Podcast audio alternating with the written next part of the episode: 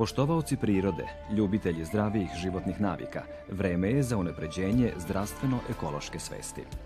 Za bolji i kvalitetniji život, za lepšu i čistiju planetu. Pravo je vreme da navijemo Zeleni sat.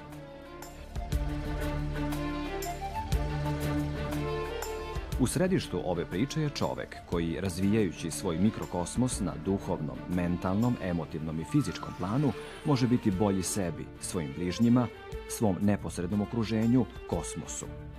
Priroda i kosmos dobro pamte sve što čovek čini. U ovoj emisiji gledat ćete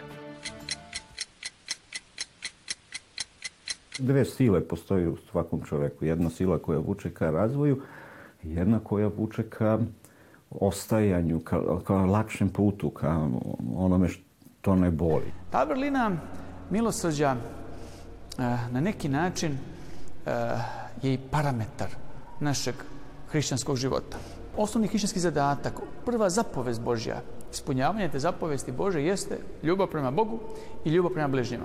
Ono što je takođe važno za leblebije jeste da su prava mala e, antioksidativna bomba. Imaju sve moguće što je potrebno za e, posticanje antioksidativnog efekta u organizmu.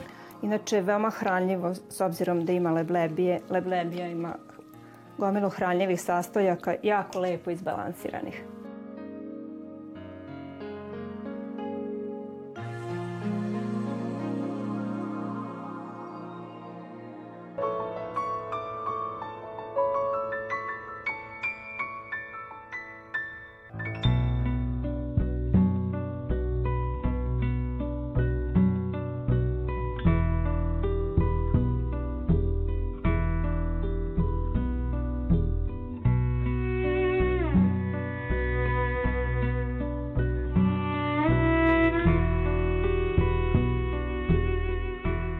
ljudi se često obraćaju zbog nekih psiholoških problema, emocionalnih problema koje doživljavaju kao da ih je nešto snašlo u životu, da ih je nešto spopalo, neka bolest, recimo napad pamike, nešto im se desilo. Jel?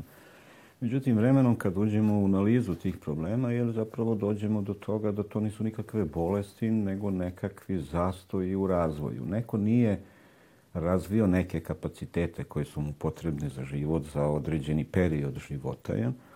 I onda pošto ne može da obavlja svoje, ajde da kažemo, životne zadatke, domaće zadatke koje mu je život e, zadao. E, zašto ne može da ih obavlja? Jer nije razvio neke svoje sposobnosti e, koje su potrebne da bi se obavljali ti životni zadaci. Onda krenu raznorazni emocionalni problemi, raznorazne dijagnoze. Jer, Zapravo, moj neki uvid kroz ovih 40 godina rada i preko 40.000 sati rada sa ljudima, da ljudi pate od zastoja u razvoju. E, ako se vi nekako emocionalno postavljate prema nekim životnim zadacima, ne znam, uzgoju dece, braku, e, studiranju, fakultetu, kao petogodišnjak, jela, imate 20 godina, jel? Naravno da to neće do, dovesti do uspeha, da, jer niste spremni za, da obavite taj zadatak. I onda kreću raznorazne anksioznosti, panični napadi, loša slika o sebi, poremećeni odnosi. Tako da nama je razvoj čipovan, da tako kažem, jer kao i svak, svemu što je živo. Biljka koja se ne razvija, ona će da se deformiše. Mi možemo da odlučimo u životu da se ne razvijamo, jer nam je lakše da ostanemo na nekom uzrastu, da tako kažem, ali ne možemo da odlučimo da za to ne platimo cenu. Kao što se biljka deformiše, jel tako i čovek koji se emocionalno ili psihološki ne razvija i on krene da se deformiše, a onda tu deformaciju, jel mi doživljamo kao nekakvu bolest koja nas je snašla i tražimo pomoć, tražimo lekiće, jel, ali nema leka toj bolesti, pod znakom navodnika, jel, osim razvoja. Moramo nastaviti tamo gde smo stali. Moramo naprosto sazreti, da budemo u skladu sa uzrastom u kojem smo i sa zadacima koje život postavlja pred nas. Tako da ako tražimo pomoć za rešavanje emocionalnih problema, moramo da budemo spremni na razvoj.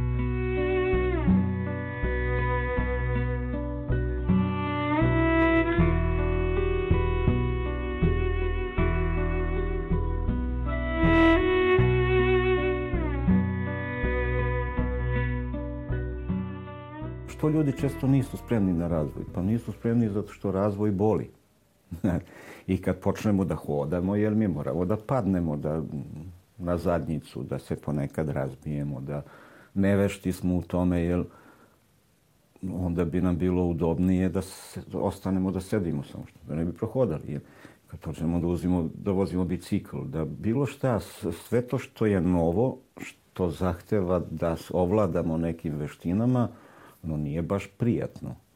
Prijatno je kad time ovladamo i to nam je neka posle nagrada, ta prijatnost i zadovoljstvo kad ovladamo nečim, to nas pokreće zapravo ka razvoju. Ali uvek dve sile postoje u svakom čoveku. Jedna sila koja vuče ka razvoju, jedna koja vuče ka ostajanju, ka, ka lakšem putu, ka onome što ne boli. I stalno se to sukobljava u nama. Ja, život se usložnjava, straži sve više i ako ne ispunjavamo taj program razvojni koji nam je negde zadat, ko nam je zadao priroda ili Bog, ne znam, jel? ne možemo se adaptirati novim životnim zadacima i onda kreću raznorazni emocionalni problemi. Jel? Tako da, moj je neki savet, ne tražite pilule za lilule, nego odlučite da se razvijate i tražite pomoć stručnjaka koji će vam pomoći u tome da se pokrenete ka ka razvoju i jako, jako boli.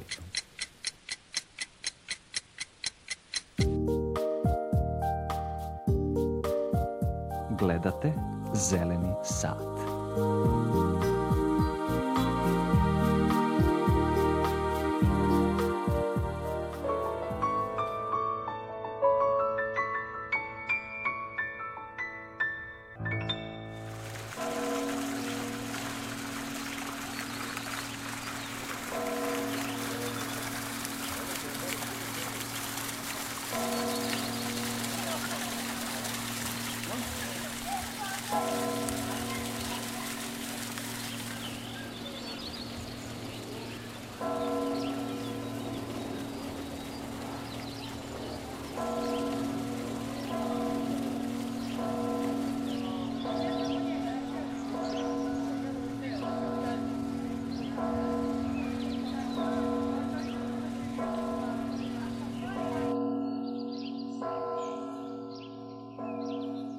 Vrlina milosrđa jeste jedna od hrišćanskih vrlina koja se u hrišćanskoj tradiciji izuzetno ceni. Možemo da kažemo da se ona negde nalazi na samom vrhu lestvice hrišćanskih vrlina. U toj meri da neki od hrišćanskih pisaca smatraju da na strašnom sudu Hristovome jedino pitanje koje bude bilo postavljeno biće pitanje da li si bio milostiv. I zaista, kada pročitam onaj odeljak o strašnom sudu u Evanđelju, odeljak koji se čita stalno pre velikog posta, mi ćemo primetiti nešto slično. Kada gospodu, oni ljudi koji se nisu dostojili rajskih obitelji, na neki način prigovaraju. I kada kažu, gospode, nismo li uh, ime Tvoje propovedali, u ime Tvoje prorokovali, imenom Tvojim demone izgonjeli, A gospodin kaže, idite od mene, ne poznajem vas. Jer gladan bijah, ne nahraniste me. Žedan bijah, ne napojiste me. Stranac bijah, niste me primili. Bolestan u tamnici bijah, niste mi došli. Što će reći da gospod ne samo da na jedan veliki pijedestal Berlina stavlja milosrđe, nego sebe poistovećuje na neki način sa ljudima, sa našim bližnjima. Pa ako nešto učinimo našem bližnjem, onda smo to učinili i samome gospodu. Ta vrlina milosrđa eh, na neki način eh, je i parametar našeg hrišćanskog života.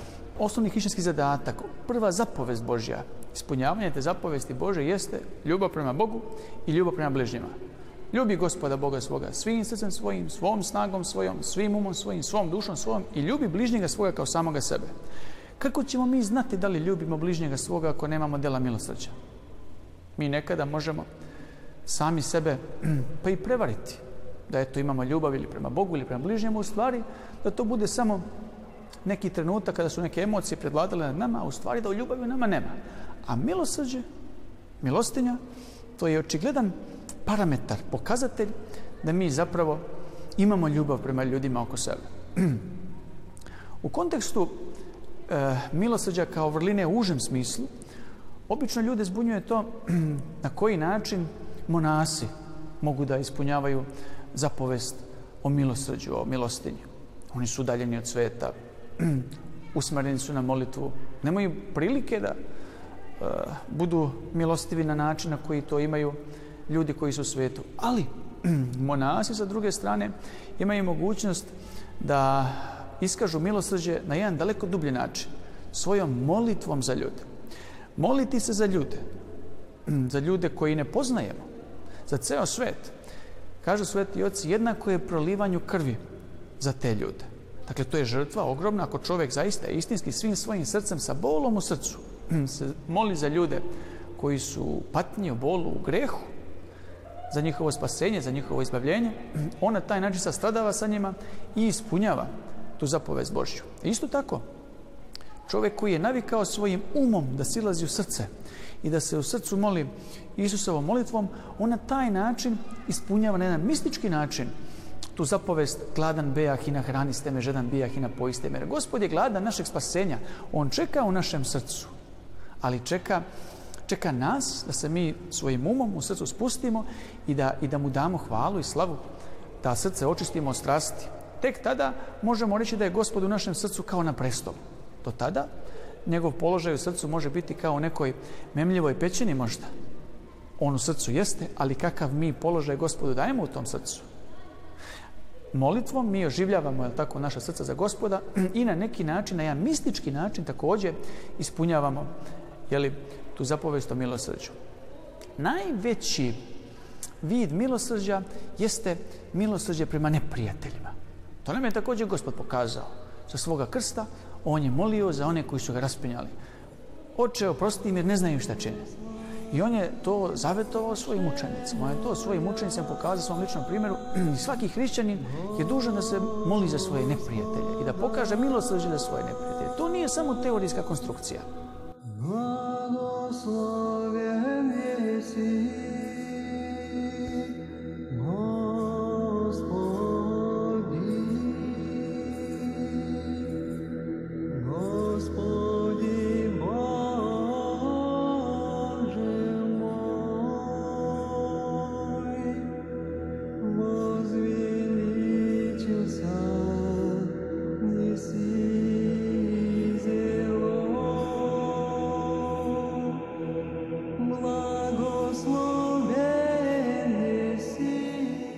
srpski vojnici su u Prvom svjetskom ratu pokazali ne samo primjer borbenosti, čojstva, junaštva, hrabrosti, nego milosrđa.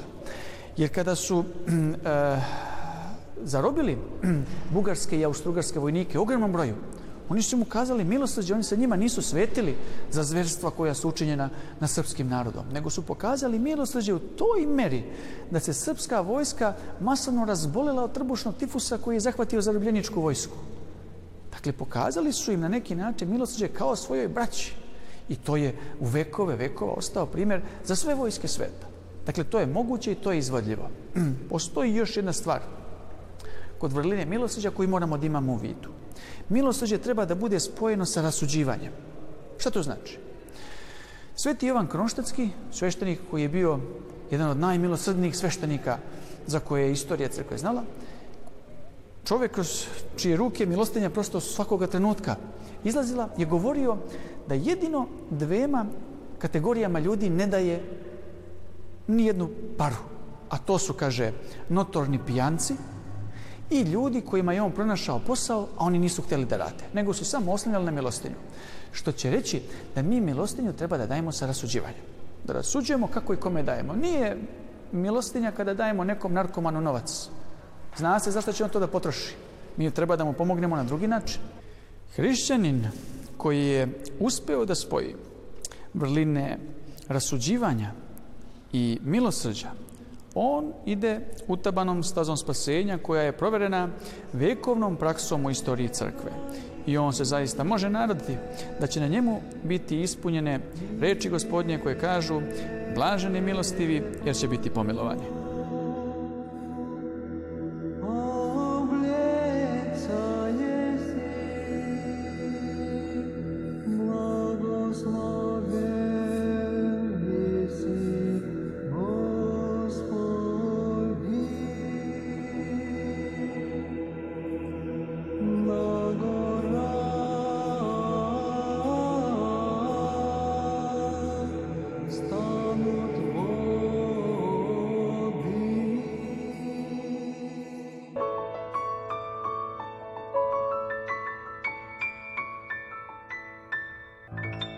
Da leblebija pripada porodici mahunarke, izuzetno je hranljiva, kao i sve druge mahunarke. Možda u nekim stvarima ima neko značajnije malo svojstvo u odnosu na druge članice svoje familije. Recimo kod procenta belančevina ima izuzetnu prednost, negdje ima od 18 do 25 grama belančevina na 100 grama leblebija, to može parirati i kvalitetnijem e, mesnom proteinu. E, Leblebije su takođe dobre e, zbog određenog procenta vlakana i kao tako imaju pogodan uticaj na varenje. Znači uvijek je potrebno da proteina bude u obroku u kom Pa unosimo znači, određenu e, životnu namirnicu. Ovde kod leblebija imamo visok procenat proteina i takođe visok procenat vlakana. Tako da su za šećeraše izuzetno povoljne, bez obzira što kažem e, pripadaju grupi mahunarke i opet imaju i određenu količinu šećera. E, kao tako, kod takvog sastava kažemo da imaju povoljan glikemijski indeks, što znači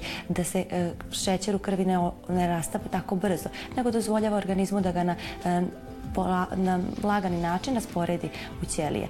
Ono što je takođe važno za leblebije jeste da su prava mala antioksidativna bomba. Imaju sve moguće što je potrebno za posticanje antioksidativnog efekta u organizmu. Leblebije sadrže takođe i mangan koji je izuzetno važan kod, kod mitohondrija, kod proizvodnje energije i zbog toga su, kažem, još za neku nijansu povoljnije od ostalih članova mahunarke.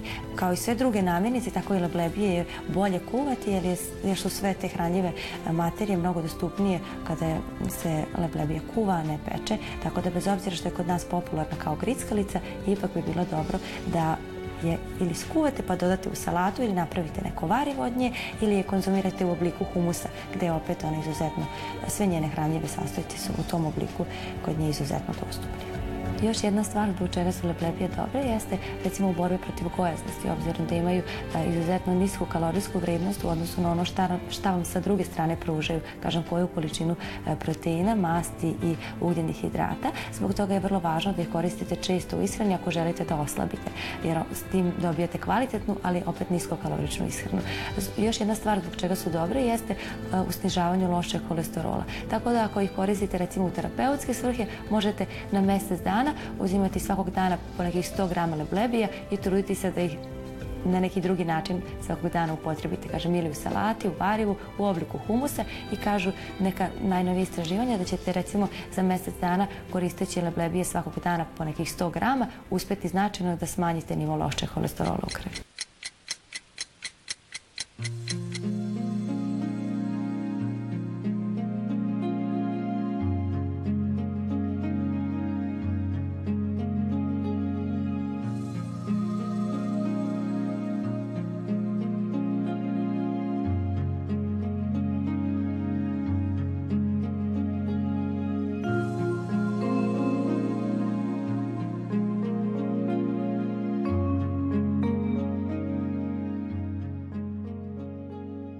sada ću vam dati ideju kako da napravite jedno ukusno jelo od leblebije i kelja. Odlično je i za decu, ako deca ne vole zeleniš, ovo će im se sigurno svideti. Prethodno sam iseckala crveni, crni luk i beli luk zajedno na malo ulja i kada se staklasto proprži onda sam dodala kelj, isto seckani. Uh, kej se blago, blago, onako prelomi samo, malo se izdinsta.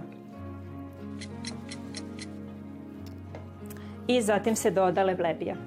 Leblebiju bi trebalo prethodno pripremiti, znači potopiti prethodne noći, da odstoji u vodi sa malo soli i ja volim da stavim i sode bikarbone. E, ispere se ujutru ta voda i leblebija se skuva opet u slanoj vodi. Ovako skuvana, spremna može da se doda u prethodnu smesu. Pošto je leblebija već skuvana, ne treba je dodatno pripremati. Ne treba je dodatno kuvati, pržiti, dinstati pre, previše. Vi količinu podesite već prema broju gladnih usta. I zatim dodajte začine. Ovo bi trebalo malo nastaviti na šporetu i mešati i dinstati. Doda se malo džumbira. Sitno, sitno seckanog džumbira. Soli. Malo soli. Setite se da je leblebija već slana od toga što je skuvana u slanoj vodi. Crvene paprike, Ako volite ljutkasto, to možda bude ljuta paprika, kao što je ova ili slatka kao što je ova.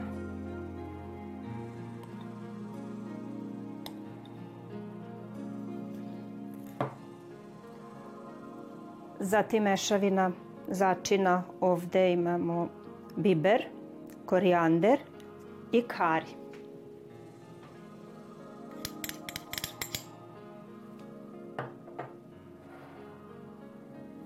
zatim malo kumina.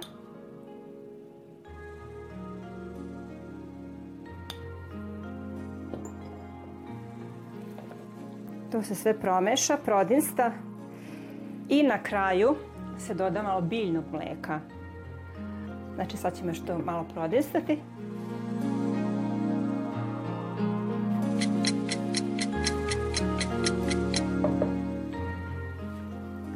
Evo naše leblebije sa keljom kada su se sastajci sjedinili i malo e, jelo prokrčkalo, treba usput dodavati pomalo vode. To ćete već videti po gustini. I onda dodati malo biljnog mleka. Ja sam već ovde dodavala malo i još ćemo dodati. Biljno mleko služi tome da obogati ukus ovom jelu. Ne zato da napravi sos, nego e, da obogati ukus i da malo ublaži onu jačinu od začina. Inače, veoma hranljivo, s obzirom da ima leblebije. Leblebija ima gomilu hranljivih sastojaka, jako lepo izbalansiranih.